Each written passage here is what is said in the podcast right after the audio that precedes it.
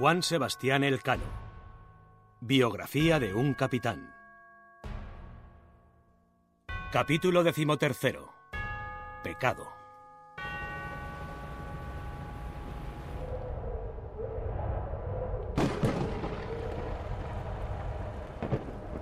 A las 10 de la noche comenzó un fortísimo viento del sudoeste.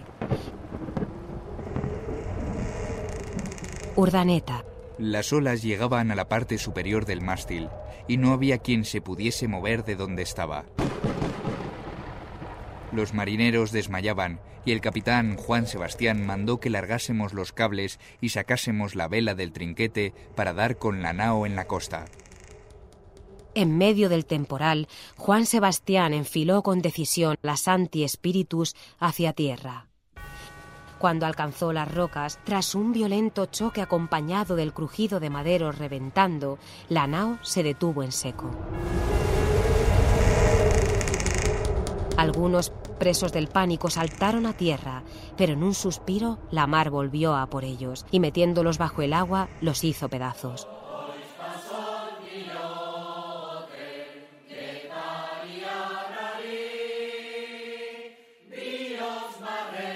Tan solo uno, excelente nadador, consiguió escapar. Con él se salvaron los demás de la nao, pues logró amarrar un cabo que le lanzaron y con esta guía pudieron desembarcar todos los demás con seguridad. Mojados y medio desnudos, para evitar perecer de frío, no les quedó otra opción que correr descalzos sobre aquella playa llena de guijarros.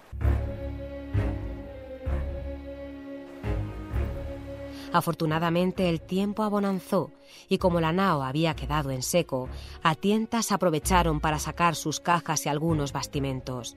Todavía no había amanecido cuando finalizó la tregua. El viento tornó a arreciar y la mar se cebó en las anti-espíritus, abriéndole todo el costado por donde sacó cuanto había en ella, mercaderías, bastimentos y los toneles con el pan y el vino. La determinación de Juan Sebastián al lanzar la nao contra la costa salvó a la mayoría, pero no alivió su angustia. Negros pensamientos ocupaban su mente. Cuando envió por tierra a un grupo de cinco hombres a buscar a los que habían quedado atrás en el río, llevaron una carta escrita por él que comenzaba así. Por mis pecados, la nao Santi Spiritus se ha perdido. Todas aquellas desgracias no podían ser interpretadas de otra manera que como un castigo de Dios por sus pecados. Las demás naos estaban en apuros y enviaron un batel para pedirle a Juan Sebastián que les ayudara a entrar en el estrecho. Lo que sucedió cuando se embarcó de nuevo lo cuenta Urdaneta. Y estando toda la gente pidiendo misericordia, llegó Juan Sebastián del Cano y pidió a la gente que se esforzase.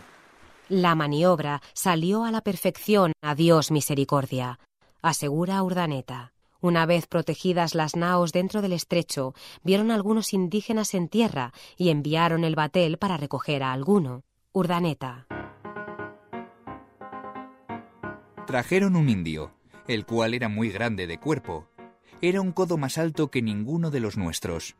Vestía un pellejo de cebra y en los pies tenía unas abarcas del mismo pellejo, y en la cabeza traía unas plumas blancas de ave.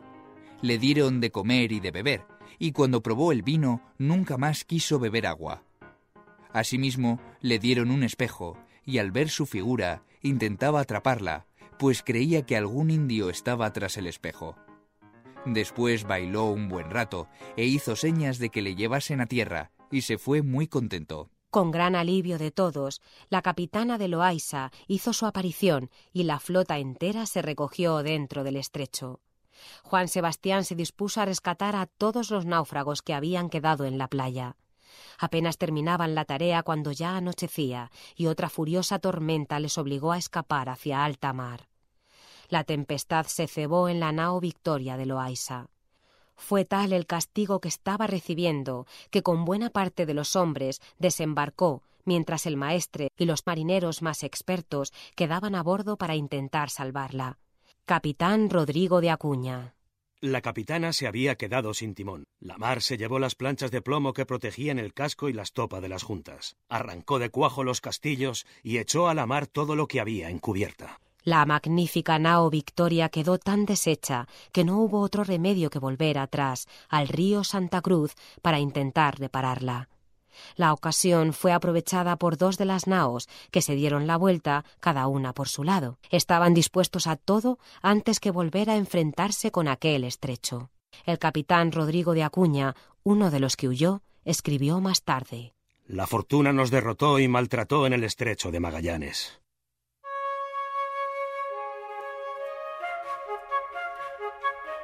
Con solo cuatro de los siete navíos, al verse desamparado por dos capitanes en quienes confiaba, Loaiza, que era hombre templado y animoso, quedó abrumado. Ya en el río Santa Cruz, además de realizar las reparaciones, cazaron y pescaron. Cazamos un lobo marino que tenía tanta carne como un buey pero los que comimos el hígado nos desollamos desde la cabeza hasta los pies.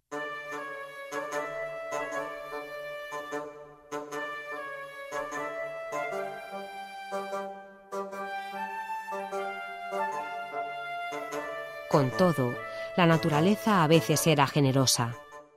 Urdaneta. Yo hallé un hermoso topacio, y me daban por él cuarenta ducados de oro.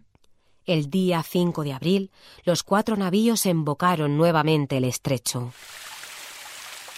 Mandamos un batel con una cruz grande que se colocó sobre los maderos de la Sancti Spiritus en recuerdo de los nueve muertos que allí habíamos tenido. Era el principio del otoño austral, cuando iban a empezar en verdad los rigores del clima. Tras la segunda angostura, teniendo a la vista las montañas nevadas, surgimos en una isleta y encontramos una enorme orca muerta que había traído el mar.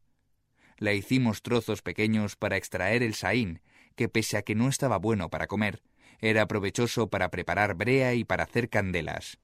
Urdaneta narra el accidente que ocurrió a continuación. Tomó fuego la nao, donde nos vimos en mucho peligro, y con la ayuda de Dios y con la buena diligencia que pusimos, matamos el fuego la armada continuó avanzando. Encontramos buenos puertos en los que las naos podían estar seguras sin siquiera amarrarlas. Hasta donde alcanzaba nuestra vista, el campo aparecía cubierto por la nieve. Mientras atravesábamos el estrecho raras veces estuvo el cielo despejado. Íbamos metidos en una nube que no nos dejaba ver la tierra, siendo lo más común diluviar o nevar percibieron un enorme estruendo donde se enfrentan las aguas de los dos océanos. En la última parte del estrecho no entra el sol en casi todo el año y tenían por entonces noches de veinte horas. El frío podría llegar a superar los veinte grados bajo cero. Urdaneta. Hacía frío y nevaba mucho. No había ropas que nos pudieran calentar, y por la noche eran tantos los piojos que se criaban que no había quien se pudiese tener.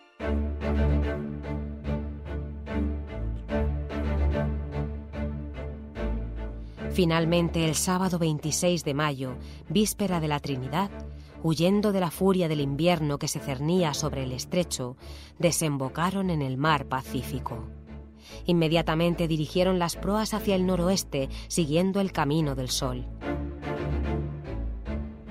Cinco días más tarde, el viento les dio con tal furia que les hizo correr sin velas durante 24 horas y las cuatro naos se separaron. Por más que los vigías se esforzaron, volver a encontrarse en aquel inmenso océano habría sido un milagro. Durante algunas semanas, la nao Victoria en solitario siguió la misma ruta que había abierto Magallanes. Después, Juan Sebastián dio orden de virar hacia el norte. Los hombres comenzaron a enfermar. También los oficiales, incluso el capitán general Loaiza, permanecía recluido en su camarote. La nao Victoria hacía tanta agua que con dos bombas apenas nos podíamos valer. Cada día pensábamos que nos hundíamos. Por otra parte, acortaron la ración. A mucha de la gente se le habían empezado a crecer las encías de tal manera que les cortaban el grosor de carne de un dedo y al otro día las tenían nuevamente crecidas. La gente empezó a morir. Un año después de partir de Galicia, superaron la línea del Ecuador y Juan Sebastián decidió hacer testamento. El escribano consignó los hechos por escrito. En la nao Victoria en el mar Pacífico, a un grado de la línea equinoccial, a 26 días del mes de julio, año del señor 1526, Juan Sebastián del Cano, vecino de Guetaria, estando en la cama, enfermo de su cuerpo y sano de su juicio y entendimiento natural, tal cual a nuestro Señor le plugo dar, temiéndose de la muerte, que es cosa natural. Fue Urdaneta quien escribió el testamento de su puño y letra. Apenas cuatro días después, el capitán general Loaiza murió. Urdaneta. Era noble capitán, sabio y de experiencia, y muy apreciado por la gente, católico y buen caballero. El escribano abrió la instrucción secreta del emperador sobre la sucesión en el mando. Muriendo quedando el dicho comendador Loaiza en la dicha tierra, mandamos que venga por capitán general de la dicha armada Juan Sebastián del Cano, capitán de la segunda nao de la dicha armada. Juan Sebastián fue jurado por capitán general. Tres días después, el sacerdote tomó el agua bendita, roció levemente al enfermo. Cuando mostró el sacramento, Juan Sebastián respondió con voz lejana, Domine non sum dignus. Después, falleció. Tan solo la nao Victoria consiguió llegar a las Islas de las Especias. Una vez allí, le prendieron fuego para aprovechar la clavazón. Años después, un puñado de supervivientes consiguió volver a casa. Entre ellos estaba Andrés de Urdaneta.